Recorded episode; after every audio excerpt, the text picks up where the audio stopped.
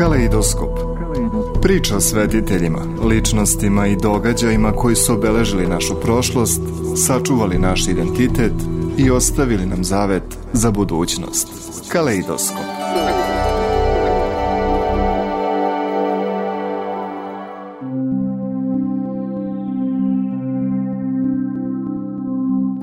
Pomaže Bog, poštovani slušalci. Današnju emisiju posvetili smo baš Patrijarhu Gavrilu, kasnije i mitropolitu Crnogorsko-Primorskom. Moj današnji gost je đakon Predrag Vladisavljević, profesor istorije Srpske crkve. Pomaže Bog. Bogom pomoga. Njegova svetost Patrijar Srpski Gavrilo rođen je 17. maja 1881. godine u Vrujcima u Donjoj Morači u blizini manastira Morače. Imao je brata Petka, koga su mu u drugom svetskom ratu ubile Ustaše i brata Sekulu, koga su ubile komuniste. Đakone, da li vi nešto možete više da nam ispričate o tome kako je teklo školovanje uh, patrijarha srpskog Gavrila? U tom periodu kada je rođen patrijar Gavrilo, to jest svetovnim imenom Đorđe Dožić, samo obrazovanje i školovanje nije bilo na onakvom nivou kao što imamo danas. Tako da, je, tako da su i škole, to jest prve škole, bile zaista pri manastirima i pri većim centrima.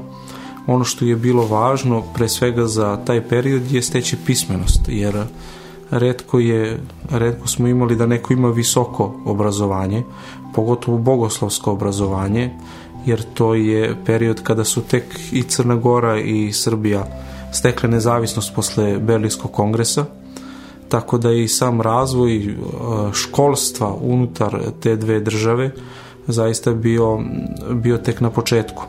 Ono što je, ono što znamo zaista da bogoslovsko obrazovanje je teklo u bogoslovsko-učiteljskim školama i bogoslovima koje smo imali do tada i to je eto bio jedan najviši stepen obrazovanja u Srpskoj pravoslavnoj Srpskoj pravoslavnoj crkvi. Međutim, oni koji su želeli da se školuju uh, više, morali su da odu inostranstvo, pogotovo u Grčku, u Atinu, gde je bio zaista centar školovanja. Međutim, bilo je jako teško doći do, do, doći do tih uh, kako bismo rekli, danas stipendija ili uopšte doći do novca za dalje školovanje i školovanje pitomaca u stranim zemljama, govorimo o Grčkoj svakako i o Rusiji, je e, morala da potvrdi sama državna vlast, tako da se kroz različite preporuke dolazilo i do, tog, e, do te mogućnosti uopšte za visoko obrazovanje. Ono što znamo o Patriarhu Gavrilu Dožiću, a to je da je osnovnu školu završio u pri manastiru Morači nastavlja školovanje u Beogradu međutim a, Đorđe je a, bio dosta privržen duhovnom životu. I ono što je njega krasilo a to je a, zaista razumevanje i shvatanje načina kako funkcioniše sama crkva i kako funkcioniše crkveni život tako da je on a, tako da se on odlučuje da, da dođe u ove naše krajeve iako je bio iz, iz Crne Gore. I imamo podatke da je bio iskušenik u manastiru Lipovcu ovde kod Alesinca u našoj eparhiji i kasnije u manastiru Sićevo gde ga je zamonašio episkop Nikanor Ruži, Ružičić i nakon toga ga rukopolaže u čin jerođakona, a zaista posle, odmah posle sedam dana u čin jeromonaha. Za ove naše južne krajeve i za uopšte oblast koju, koju nazivamo danas Stara Srbija, koja je ranije zaista bila Stara Srbija, a to je Kosovo, današnje Kosovo i Metohija i Makedonija, današnja država Makedonija, a, imali smo a, dosta loše organizovano samo školstvo i centar oko koga su se okupljali svi oni koji su želeli da steknu neko obrazovanje ili pogotovo bogoslovsko obrazovanje, a to je bio Prizren. U Prizrenu je 1871. znači 10 godina pre rođena, rođenja Đorđa Dožića, stvorena prizanska bogoslovija. To je ova današnja naša bogoslovija koja je u, zbog rata prebegla u, u Niš. Pod rukovodstvom Sime i Gumanova stvorena je jedna bogoslovska učiteljska škola i ona je zaista bila centar a, gde se ovaj gde su školovali svi oni sav onaj kadar iz stare ili ti južne Srbije koji je trebalo da ostane tu i da razvija uopšte školstvo i, i život u, to jest pismenost pre svega u staroj južnoj Srbiji jer su to bili krajevi koji su bili pod, još pod vlašću pod vlašću Turske. Tako da a, rektor bogoslovsko učiteljske škole a, u Prizrenu prota Stevan, čuveni prota Stevan Dimitrijević je pomogao da Gavrilo Jeromona Gavrilo dođe u manastir Visoke Dečane. Visoki Dečani koji su zaista tada i dan danas svakako važi jedan od najvećih najpoznatijih manastira. Međutim manastir u kojem, kojem, kome je on mogao da stekne to svoje, to svoje obrazovanje i pored toga zaista i ide kao redovan student u redovan đak u bogoslovsku učiteljsku školu to mu je, to mu je doprinelo da posle završene škole postane učitelj u Dečanima i tada se pokazao kao aktivan, kao veoma aktivan prosvetni nacionalni radnik. Iz manastira Visoki Dečani prešao je u manastir Jošanicu kod Jagodine, a odatle u srpsku školu koja je tada postojala u Carigradu gde je on uh, usavršavao svoj jezik i pripremao se za ono što, što kasnije sledi. 1905. godine je upisao i Bogoslovski fakultet na Atinskom univerzitetu i tu je zapravo glavnu ulogu odigrala sama država koja ga je u njemu videla kapacitet i, i sve ono što će kasnije ono što će kasnije biti tako da ga predlažu da on preko državnih stipendija bude pitomac kneževine još tada knež, e, to jest ovaj, tada već kraljevine Srbije i odlazi, e, odlazi u Atinu. Školovanje je trajalo 1905. godine do 1909. tamo je diplomirao, a kasnije je nastavio svoje e, postdiplomske studije i na Atinskom univerzitetu je i doktorirao. A postavljen je nakon toga za sekretara Srpskog manastira Hilandara na Svetoj gori, a odatle na mesto srpskog predstavnika u Carigradskoj patrijarši i istovremeno za upravitelja srpske škole u Carigradu. U Carigradu u tom periodu je bilo stecište svih onih koji su planirali da da to jest svi oni koji su tražili neko visoko bogoslovsko obrazovanje, jer znamo da je tek nakon 1920. počelo formiranje i pravoslavnog bogoslovskog fakulteta u Beogradu. Tako da u samom Carigradu ga je zatekao izbor za mitropolita Raško-Prizrenskog 1. decembra 1911. godine, a dok je svečana hirotonija u episkopski čin izvršena 4. decembra 1911. godine a, dolazi na mesto za Raško-Prizrenskog mitropolita u vreme kada se srpski narod još u tom periodu nalazi pod turskom vlašću i priprema za oslobođenje svakako u pripremi je učestvovao za oslobođenje tih krajeva. Nakon toga tu ga zatiču i prvi i drugi Balkanski rat gde vidimo njegovu ulogu u pomaganju samom narodu i uopšte vojsci u oslobođenju tih krajeva.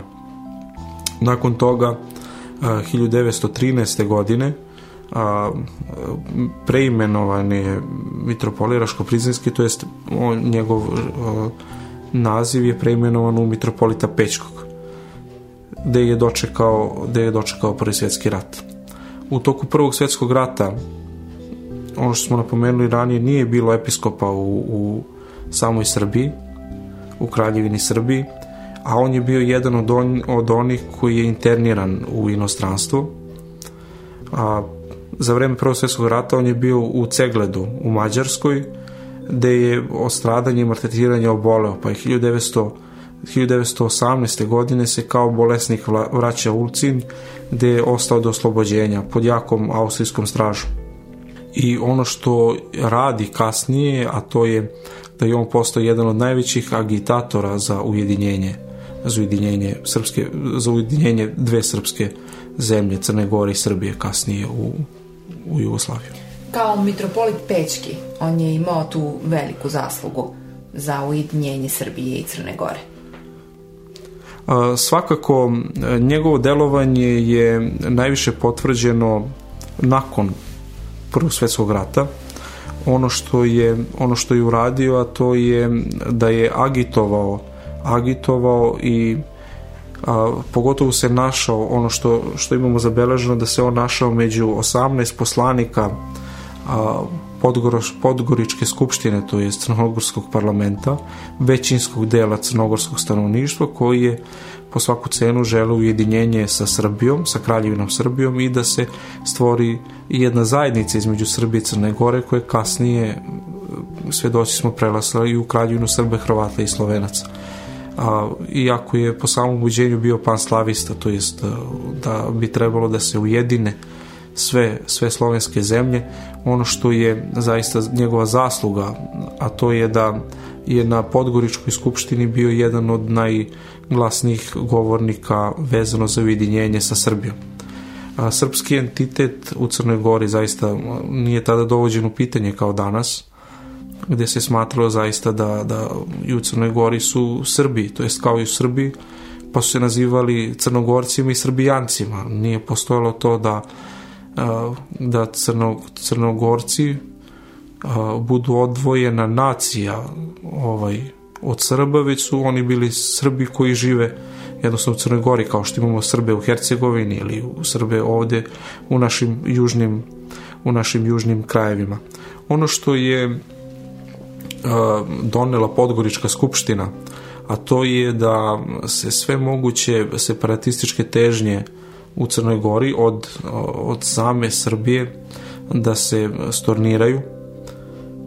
Dešavanja u toku Prvog svjetskog rata i napuštanje samog kralja Nikole doveli su do toga da i na Podgoričkoj skupštini ono što je prva tačka bila a to je detronizacija dinastije dinastije Petrović da se ne dozvoli kralju Nikoli povratak u Crnu Goru i da se izglasa nova dinastija kao vlast u Crnoj Gori, a to je dinastija Karađorđević, koja je već bila na vlasti u Srbiji.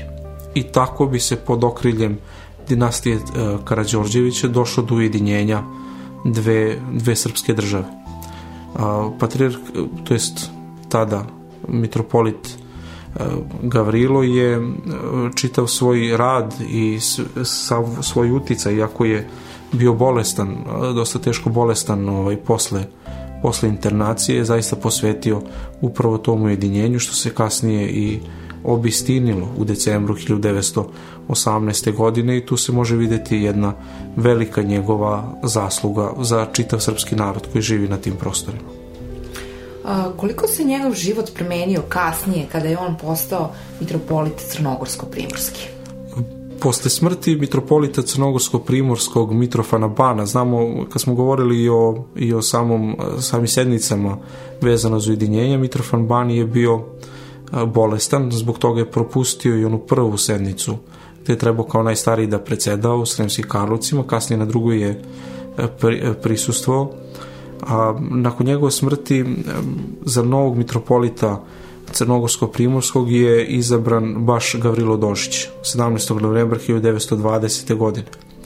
A na tom položaju ostao sve do 1938. to jest do njegovog izbora za patrijarha. Tako da ovaj period od 18 godina je ostavio veliki uticaj uopšte na srpsku crkvu u Crnoj Gori i uopšte na, na čitavu srpsku patrijaršu. Momenti koji bih izdvojio u njegovom životu značajniji dok je bio mitropolit Crnogorsko-Primorske, to je da je predvodio delegaciju Srpske pravoslavne crkve na konferenciji u Carigradu 1923. godine. Ta konferencija je bila posvećena reformi kalendara. Na ovoj konferenciji je sa srpske strane učestvovao i, i nama jako dobro poznat Milutin Milanković, astronom, kao astronom, kako bi pomogao prevazilaženju problema vezanog za kalendar i družinu trajanja godine. U ovom njihovom putu Milanković je vrlo detaljno pisao u svom delu kroz Vasionu i vekove. Znamo i da, da taj kalendar Milutina Milankovića nije zaista, nažalost, nije prihvaćen, međutim imamo da u njegov, njegov kalendar je zaista bio najsavršeniji za to vreme i za doba danas, jer nismo imali ostupanja u danima kao što imamo u ovom kalendaru koji koristimo. Međutim, taj kalendar nije prihvaćen. Ono što je a, za samu a, teritoriju Crne Gore a, učinio, a to je da a to je obnova Njegoševe kapele pošto je u toku austrougarskog bombardovanja Lovćina 1916. godine bila jako oštećena mala Njegoševa kapela, Arhijerijski sabor Srpske pravoslavne crkve je preduzeo inicijativu za obnovu ovog kultnog mesta, naravno pod, na, na molbu samog Gavrila Dožića. Formiran je odbor za obnovu na čijem čelu se našao mitropolit Gavrilo a odbor su činili najviđeniji ljudi tog vremena, kao što su, na primjer, Jovan Cvić, Živan Živanović, Pavle Popović, Vojvoda Božo Petrović i mnogi drugi. Odbor je od Aleksandra tražio materijalnu pomoć, a kralj je odlučio da snosi sve materijalne, sve materijalne troškove, a za savjet se obratio jednom od najvećih vajara tog vremena, to je bio Ivan Meštrović, koji je načinio skicu nove kapele u vidu egipatske piramide i objavio zagrebačkom listu Nova Evropa. Međutim, mitropolita Gavrila je nepretno iznenadio taj predlog smatrajući da od udara od kanonskih pravila crkve i njegoševog duha. Međutim, mitropolit Gavrilo je zatražio prijem u dvoru i objasnio kralju svoje neslaganje sa tom idejom. Kralj je prihvatio njegove argumente Izvinio se Meš, Meštroviću što njegove skice nisu iskorišćene za izgradnju kapele, ali mu je kao neku vrstu naduhnude ponudio novi projekat izradu spomenika neznanom, neznanom junaku. Prenos njegoševih mošti i otvaranje nove kapele je svečano izvršeno 21. septembra 1925. godine, a na samoj svečanosti je prisustvovao i sam kraljevski par a, pošto je Grčka po egzodusu Grka iz a, Turske nakon Prvog svjetskog rata oduzela sve manastirske dobro i manja na Svetoj gori, na konferenciji u Carigradu 1933. godine ono što je Patriarh Gavrilo uradio to je da uspe, uspe da izdestvuje poništenje te odluke i na taj način odbrani autonomno Svete Gore i svih njenih manastira što je bio još jedan pokazatelj zaista njegovog predanog rada i zaista on je bio jedan od ljudi koji je nakon smrti patrijarha Varnave izvesno bio i jedan od najboljih kandidata za to mesto, naravno pored svetog vladike Nikolaja. Međutim, samo delovanje mitropolita Gavrila Dožića je uvek bila okrenuta u tom smeru da se u Crnoj Gori i uopšte u Srbiji održi jedinstvo srpskog naroda, pa je i sama ta njegoševa kapela jednostavno bila simbol tog jedinstva srpskog naroda. Svi znamo iz njegoševih dela i uopšte onoga što je pisao, što je radio, da je uvek sebe napominjao kao Srbina i nazivao Srbinom. Ono što danas svako imao problem. Tako da nesumnjivo se život Gavrila Dožića promenio u tom smeru jednog uspinjanja jednog uspinjanja kako duhovnog, tako i intelektualnog i taj period dok je bio mitropolit je zaista bila jedna izvrsna priprema i jedan test, to je jedan lakmus papir kako će se ponašati sutra i odgovoriti svojim obavezama kao srpski patrijarh u najtežem vremenu koje ga je zadesilo, to jest od 38. godine, 39. i početka egzodusa i stradanja srpskog naroda u toku drugog svjetskog rata. Đakone Predraže, hvala vam što ste bili moj današnji gost. Hvala vam. Poštovani slušalci, e, čuli ste Đakona Predraga Vladisavljevića, e, danas smo govorili o patrijerhu e, Gavrilu, a u narednoj emisiji govorit ćemo o izboru za patrijarha i o odnosima sa novom jugoslovenskom vladom.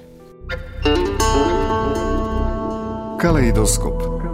Priča svetiteljima, ličnostima i događajima koji su obeležili našu prošlost, sačuvali naš identitet i ostavili nam zavet za budućnost. Kaleidoskop.